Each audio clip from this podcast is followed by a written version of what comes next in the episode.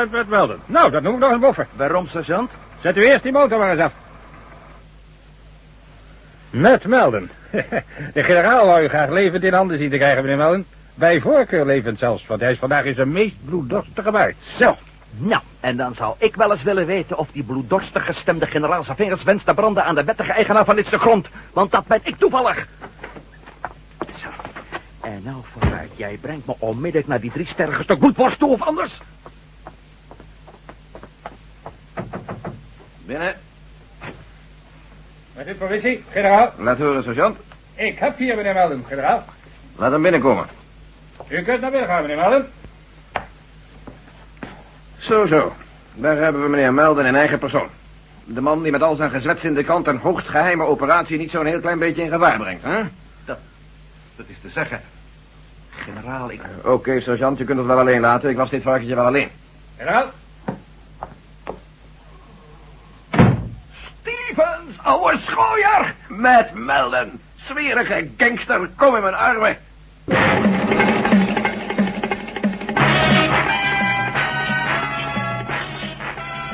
De Tunnel der Duisternis door Paul van Herk. Bewerking André Meurs.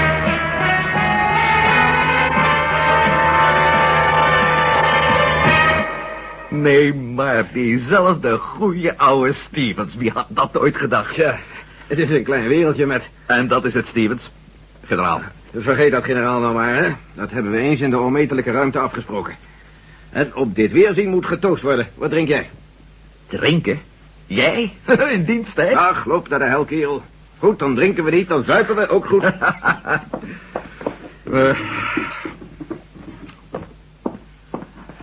Hey. ja, ja. Goeie scotch, wat dacht je? Zo. Alsjeblieft. Op ons weerzien, met. Op onze hereniging, Stevens. Dus, jij hebt hier zo'n beetje de leiding. Ik heb de leiding, ja. Over geluk gesproken. Ja, voor mij tenminste. Eh, laten we de zaken even in een juiste proportie zetten. Jij bent de eigenaar van deze grond. Ja. En je voelt je hevig in je wiek geschoten en ondemocratisch behandeld. Ja, ja, hoe zou jij dat opgenomen Ja, hebben? natuurlijk, natuurlijk. En bovendien val je hier als journalist en wat voor een nog met je neus in de boter voor een sensationele reportage. En ook die wordt je ontnomen. Goed geformuleerd? Uitstekend. Jij wou hier dus een bungalow laten bouwen. Ja, ja, zit er iets verkeerds in? Nee, dat niet. Maar je hebt er wel het meest ideale stukje grond voor uitgezocht. Oh. Luister, met. Oude vrienden zijn we niet voor niks. Ik zal je ten eerste schadeloos laten stellen voor al het ongerief, dat beloof ik je. En eh, wil je je verder nog met deze zaak bemoeien? Nou ja, ik moet zeggen dat ik wel graag op de hoogte zou blijven. Mhm. Nou, dat kan. Eh, Jij gaat me toch niet vertellen dat je de pers er verder niet buiten zult houden, hè? Nee, nee. Dat zal ik inderdaad wel moeten doen, begrijp je? Want ondanks mijn militaire rang en mijn sterren ben ik nog lang geen eigen baas. Maar ik heb een ander voorstel. Ik neem jou in dienst voor dit onderzoek. Als een soort eh, civiel expert of iets dergelijks. Daar vind ik wel wat op. Wat denk je daarvan? Nou, in één woord geweldig, Steve. Mooi. Ja, alleen eh, mijn hoofdredacteur zal er niet zo blij mee zijn. Ach, je vraagt een paar weken verlof. Hij mag vanaf vandaag toch geen letter meer in de krant zetten over dit hele voorval. Het regeringsrapport zal inmiddels wel op zijn bureau liggen. Tja.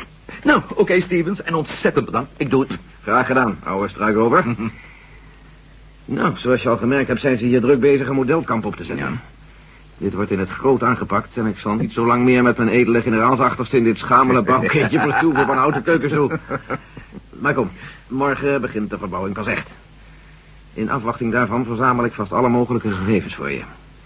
Maar ik zou het bijzonder op prijs stellen als jij eerst jouw verhaal nou eens vertelde. Zoals je wilt. Prachtig, zal ik dan eerst nog erbij schenken? Nee, nee, nee, nee, nee, nee, dankjewel hoor. Zo vroeg op de dag laat ik het drinken liever over aan onze dappere beroepsmilitairen. Gelijk heb je, want gezond is het niet, als het je beroep niet is tenminste. Hoor je wel? Die brengen alweer een paar specialisten of laboratoriummateriaal misschien. Laboratorium? Ja, ik zei je toch al, de zaken worden groots aangepakt. Wat? De zaken worden groots aangepakt. Oh, ja, ja, ja, ja, ja, ja.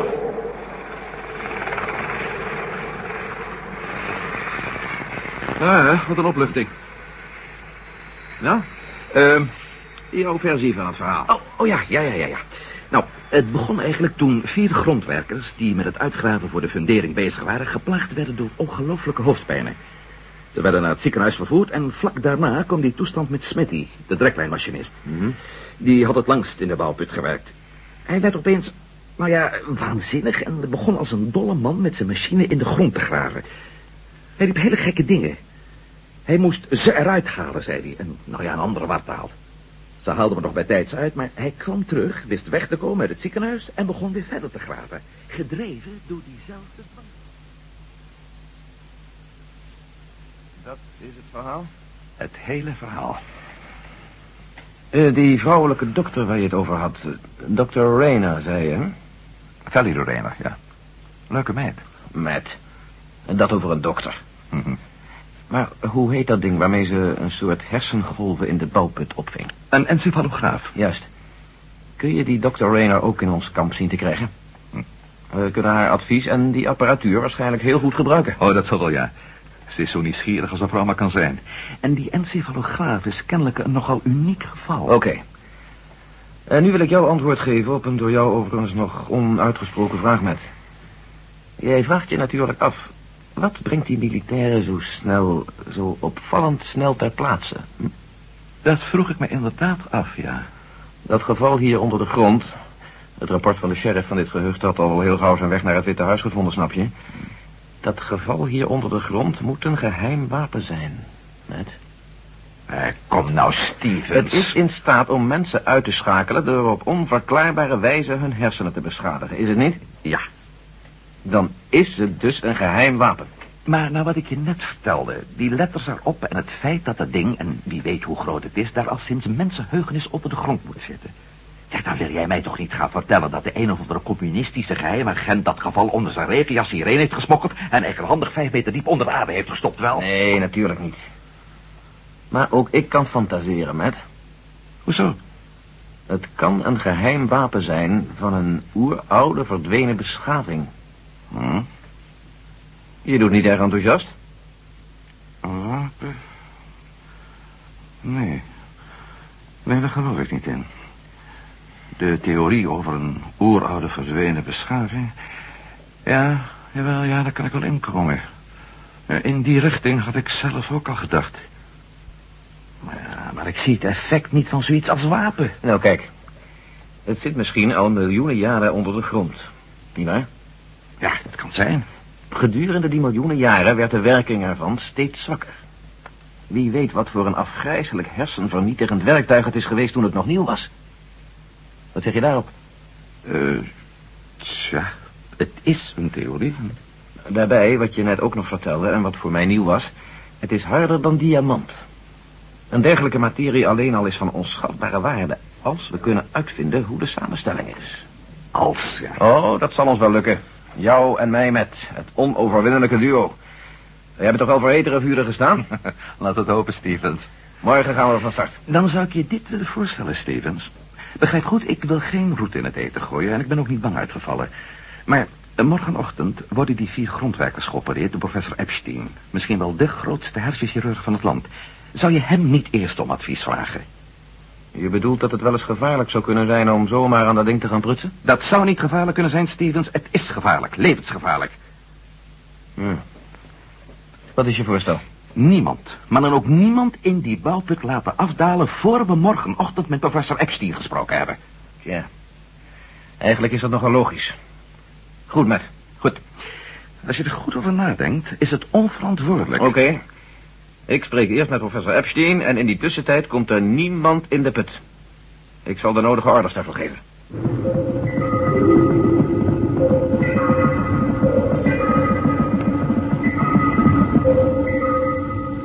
Ik zal u wel moeten teleurstellen, generaal.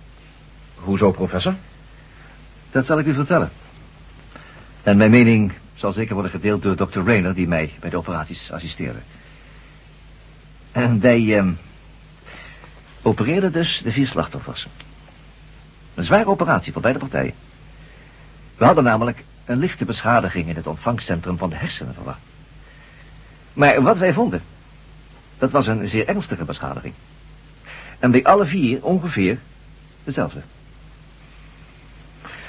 Generaal Stevens, wij zullen deze mensen nog twee, misschien wel drie keer moeten opereren. En zelfs dan zullen ze nooit meer worden wat ze waren. Ze moeten de rest van hun leven door met, met helse, met bijna ondraaglijke hoofdpijnen. Of ze moeten verdovende middelen gaan gebruiken en blijven gebruiken. Met alle ellendige bijverschijnselen van dien. En daarbij zullen ze voortaan alle opwinding absoluut dienen te vermijden. U bent het met me eens, dokter Brenner? Volkomen, professor. U begrijpt dus wel wat een gruwelijk bestaan deze vier mensen verder is beschoren. Inderdaad, professor, dat is me nu volkomen duidelijk. Dus vanuit medisch standpunt gezien is het absoluut onverantwoord... om iemand langer dan een uur in de nabijheid van het onbekende voorwerp te laten werken. En dan alleen nog met tussenpozen van op zijn minst 24 uur. En bovendien extra beschermd door een beveiligende injectie. Dat is een lelijke streep door de rekening wat jouw werkplan betreft, Stevens. Eh. Vertelt u mij eens, wat mankeert deze mensen nou eigenlijk precies, professor? Ze kregen een impuls. Een draadloos bevel, als je dat zo noemen wilt. Waartegen hun onderbewustzijn, en aanvankelijk ook hun bewustzijn, zich sterk verzetten. Maar die impuls was zo sterk dat een hele serie zenuwcellen het niet kon verwerken en uitgeschakeld werd. Compleet vernietigd. U zou het bijvoorbeeld kunnen vergelijken met een zekering die doorstaat. Een zekering die gewoon wegsmelt. En wat, professor Epstein, kan de bron van een dergelijk impuls zijn? Gezien de golflengte van deze impuls, die de cellen in kwestie eh, aantasten, een levend wezen. Een wat? Een levend wezen.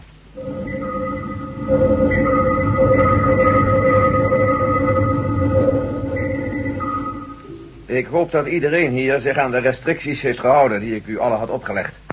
Maximaal één uur in de bouwput. Ik begrijp het, voor u nauwelijks te werken onder zulke voorwaarden. Maar desondanks hoop ik toch op resultaten. Uw rapport graag, professor Van Helm. Als mineraloog, generaal Stevens, kan ik alleen maar zeggen dat ik perplex sta. Perplex. Gedurende de 45 minuten dat ik in de put was, hebben we het voorwerp bewerkt met een conventionele diamantboor, met de sterkste bijtende zuren, met een acetyleenbrander, met voorhamers, met een berylliumboor, maar alles was tevergeefs. De materie is niet zomaar hard, mijn heren. Ze is harder dan alles dat we kennen. Er was niet het kleinste krasje in te krijgen. U hebt geen laser gebruikt? Een laser? Oh, jawel. Een laserstraal ook. En geen resultaat? Niets. We kregen niet eens een gloeipunt. Niet te geloven. Eh, dank u, professor. En u, professor Jackson? Zoals eh, gevraagd, eh, generaal, peilden wij het onbekende voorwerp met akoestische apparatuur. Ja. En u had wel enig resultaat? Ja, het is precies cirkelvormig, maar dan ook een cirkel tot in alle perfectie. Om precies te zijn, 165 diameter en een meter of vijf dik. Dus een paar dingen weten we nu zeker. Het ding is kunstmatig. En het komt in geen geval uit de ruimte. Waarom baseert u dat? Oh, het is onmogelijk. Geen eh, aerodynamiek of stroomlijn, als u dat woord verkiest. En trouwens, zo'n plomp plat voorwerp eh, kon zich nooit zo diep in de grond hebben kunnen boren. Daar zit iets in natuurlijk. Maar we bewaren eventuele conclusies tot straks. U graag, professor Van Kleef.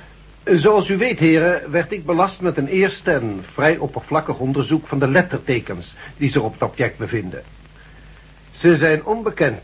Helemaal onbekend, geen enkel aanknopingspunt. Dat nou ook weer niet. Dat wil zeggen, een zekere gelijkenis met onze manier van schrijven valt niet te ontkennen. De tekens zijn eveneens horizontaal gerangschikt. Ze vormen groepen, woorden zou ik bijna durven zeggen.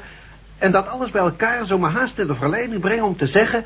dat de tekens toch wel van aardse oorsprong zijn. Alleen van waar, weet ik niet. Misschien een verdwenen beschaving, professor. Niet uitgesloten, meneer Melden. Denkt u dat er kans bestaat dat als alle grote specialisten op uw gebied de koppen bij elkaar steken, dat dat schrift dan te ontcijferen zou zijn? Nee, uitgesloten. We hebben eigenlijk geen enkel houvast en dat geldt voor iedereen. Dank u wel. In ieder geval zet ik het onderzoek voor. Er zijn een paar tekens bij die met een beetje fantasie wel enige gelijkenis vertonen met oud-Hebreeuws. Misschien zit er iets in een benadering van die kant. Maar het zal veel tijd kosten. En tijd is nou net wat we niet hebben, professor Van Kleef. Dit onderzoek moet snel gebeuren, want we hebben met een uitermate gevaarlijk en militair belangrijk object te doen, zoals u allemaal nu wel duidelijk zal zijn. Uh, generaal Stevens, u vertelde dat professor Epstein iets zei over een levend wezen. Ja, maar dat lijkt me een beetje ver gezocht als u het mij vraagt. Maar ook een mogelijkheid, generaal Stevens, dat valt niet te ontkennen. Uiteindelijk is professor Epstein niet de eerste de beste. Natuurlijk niet, Matt. Ja, mocht het hier overigens om een levend wezen gaan... dan zouden we toch wat voorzichtiger moeten zijn... en het niet te hard prikken en porren met laserstralen... en boren en met voorhamers meppen. Nee, nee, nee, nee, nee, heer. Ik meen het serieus. Ja, je hebt in ieder geval voor een bevrijdende lach gezorgd, Matt. Dat geeft de zenuwen een beetje lucht. Want we blijven zo toch maar met dit probleem zitten. Eh, Dr. Rayner, u vroeg het woord. Ja, generaal Stevens. Zoals u weet, stelde ik na alle proefnemingen die vandaag hebben plaatsgevonden... als laatste mijn encefalograaf weer op. En de metingen waren veel sterker dan de vorige keer. Dat betekent dat het geheimzinnige voorwerp nu sterkere impulsen uitzendt dan daarvoor. Ja, generaal. En behoorlijk veel sterker. De reden... Ja, daar kunnen we natuurlijk alleen maar naar raden. Maar volgens mij komt alle energie die eraan gespendeerd wordt... ons onbekende voorwerp ten goede. In zekere zin neemt het die energie in zich op. Zoals meneer Melde net al zei... we hebben het geprikkeld. Wakker geport. Dank u, Dr. Rayner. En mag ik de heren ook bedanken? Er zal geen verder onderzoek meer plaatsvinden... voor ik met het Pentagon heb overlegd.